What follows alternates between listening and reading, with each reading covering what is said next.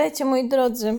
Dawno mnie tutaj nie było, bo dużo perturbacji życiowych się wydarzyło. Nie powiem, że nie. Także nie byłam w stanie nagrywać odcinków. W każdym razie dzisiaj przychodzę z takim odcinkiem, jaki masz plan na siebie. Wydaje mi się, że często my tego planu na siebie nie mamy albo podążamy według planu, który narzucił nam ktoś inny. Często to są rodzice albo społeczeństwo. I też przyjmujemy ten plan za taki pewnik, za coś takiego, co wypali i za coś takiego, co będzie dla nas dobre i będziemy się w tym dobrze czuć. I owszem, na początku może to działać, bo gdy spełniamy oczekiwania innych, na przykład oczekiwania naszych rodziców, to uzyskujemy aprobatę, uzyskujemy ich miłość, a jeśli nam tego brakowało w dzieciństwie, wychodzimy jacyś tacy poranieni z tego okresu, no to możemy sobie myśleć, że wszystko jest ok i że generalnie po prostu w naszym życiu dobrze. Natomiast w miarę upływu czasu i w miarę jak stajemy się coraz bardziej siebie świadomi, często dochodzi do nas, że jednak to, co wykonujemy, to to jednak nie jest nasze. To jednak nie jest to, czym my byśmy się chcieli zajmować. I możliwe, że macie, na przykład też tak jak ja, ukończone już jakieś studia, jakąś pracę za sobą, ale dalej to nie jest to, czym byście chcieli się zajmować. Dlatego tak istotne jest, aby w pewnym momencie życia, i wydaje mi się, że tak właśnie przed 30, w okresie 30 roku życia, zadać sobie te pytania, a właściwie to jedno pytanie. Jaki mam plan na siebie? To jest takie pytanie bardzo prorozwojowe, bardzo takie pytanie do życia. Powiedziałabym takie pytanie antydepresyjne, że tak powiem, bo ono nas właśnie wystawia, nastawia nas na przyszłość, czyli nastawia nas na rozwój, nastawia nas na siebie. I też warto oczywiście ten takie właśnie plany na siebie, cele, co jakiś czas sobie weryfikować i co jakiś czas sobie sprawdzać, czy jesteśmy dalej na tej samej drodze i czy ten plan dalej jest aktualny i czy on jest dalej zgodny ze mną i czy jest mój. No bo możemy sobie wyznaczyć jakieś plany i cele, ale po drodze, w trakcie ich realizacji, możemy jednak dojść do takiego punktu, że stwierdzimy, że jednak to nie jest to i należy to zmodyfikować. Ja nieraz byłam w takim momencie i tutaj też właśnie odnoszę się do wszystkich tych z Was, które mają kilka pomysłów na przykład na działanie w internecie, ale nie do końca wiedzą od czego mają zacząć. I mają takie wrażenie, że jak się jest od wszystkiego, to jest się do niczego, albo że trzeba trzymać się jednej konkretnej ścieżki. Jakby moja droga na Instagramie zaczęła się po prostu od publikowania moich własnych przemyśleń na temat rozwoju, na temat rozwoju duchowego i tak o, zaczęło się od tego, w ogóle, że ja publikowałam takie luźne treści. I dopiero potem z czasem zaczęłam się bardziej tak, um, powiedzmy, um, ukierunkowywać, tak? Zrobiłam ten kurs coachingu, zrobiłam astrologię, dalej się zresztą jej uczę i na razie w tym zostałam. Ale nie oznacza to, że nie ulegnie to zmianie. Z czasem wdrożyłam inne narzędzia do tej mojej, powiedzmy, pracy. Um, więc wracając do pytania, jaki mam plan na siebie? Bo jak widzicie, to, to też nie musi być takie mega szczegółowe. Jakby planem na siebie może być też to, że będę prowadzić swoją własną firmę, że będę prowadzić, nie wiem, moje media społecznościowe i tak dalej, że będę się rozwijać w tym. No i mm, można sobie założyć jakiś cel, który będzie nas do tego motywować, czyli właśnie na przykład, że osiągnę nie wiem, 200 obserwatorów tam w iluś tam, tak, w jakimś czasie, albo sprzedam tyle i tyle konsultacji. No więc co zrobię, żeby to sprzedać? Jakby chodzi o to, żeby w ogóle pomyśleć nad sobą, nad tym, co, co ja lubię, nad tym, czego ja chcę, yy, nad tym, jakie mam teraz w ogóle też zasoby, jakie mam y, możliwości, zrobić sobie taką analizę SWOT siebie samego Jeśli macie ochotę coś takiego zrobić ze mną, to zapraszam, bo bardzo często, no ja o tym tutaj mówię, ale nie siadamy do tego, bo jakoś nie mamy do tego motywacji, a zawsze z osobą, która nas pokieruje, e, jest łatwiej. Także na taką sesję coachingową też można wpaść. Więc chodzi tutaj o to, żeby skupić się na sobie, żeby faktycznie zacząć nawet od takich małych rzeczy, które są zgodne z Tobą, które Ty lubisz robić i które składają się na część tego Twojego planu na Ciebie. Możesz nawet zacząć od nauki języka, jeśli lubisz się uczyć jakiegoś języka. Możesz zacząć od naj, takich najprostszych rzeczy. Osoby, które mają zbudowane, które, powiedziałabym, wróciły do swojego poczucia własnej wartości, które mają poczucie, że zasługują, które mają poczucie, że są warte.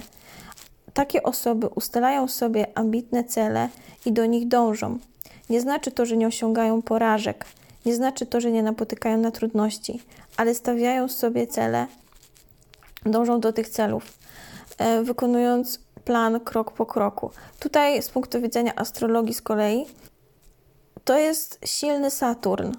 Jeśli osoba wyznacza sobie ambitne cele i dąży do nich, nie poddaje się, jest wytrwała, wytrzymała i cierpliwa, to znaczy to, że najprawdopodobniej ten Saturn dobrze u niej e, działa.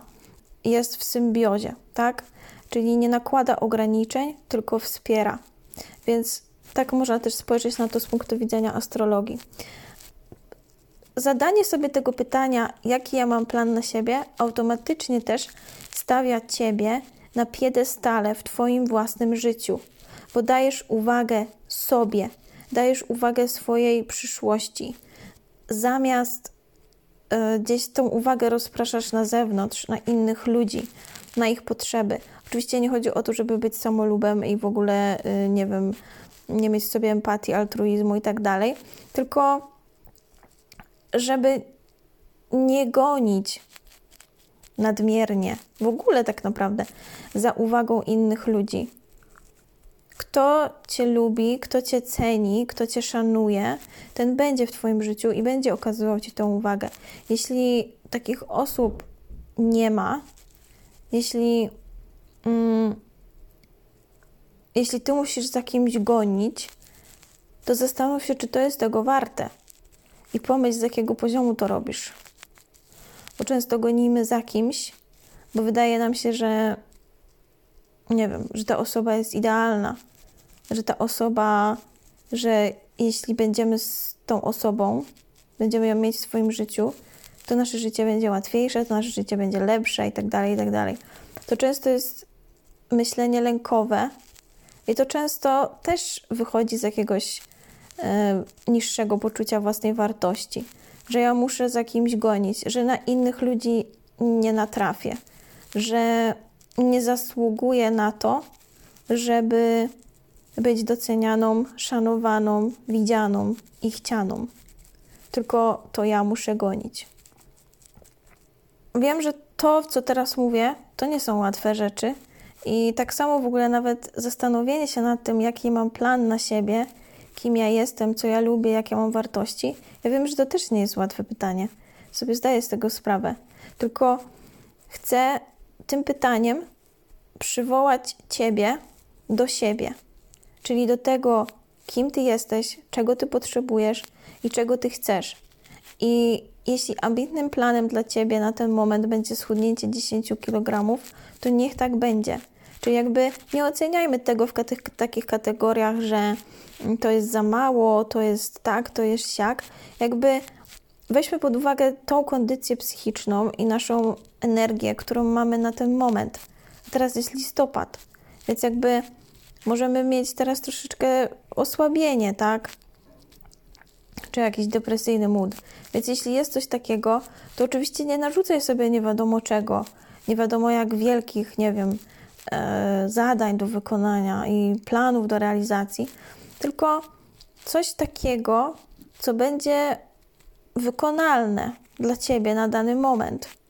bo to można sobie zrobić też taki, jaki mam plan na siebie na ten miesiąc.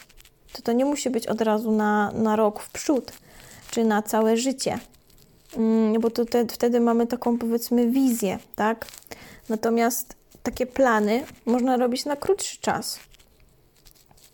Ważne jest, żeby w ogóle dawać sobie uwagę i żeby budować w sobie sprawczość.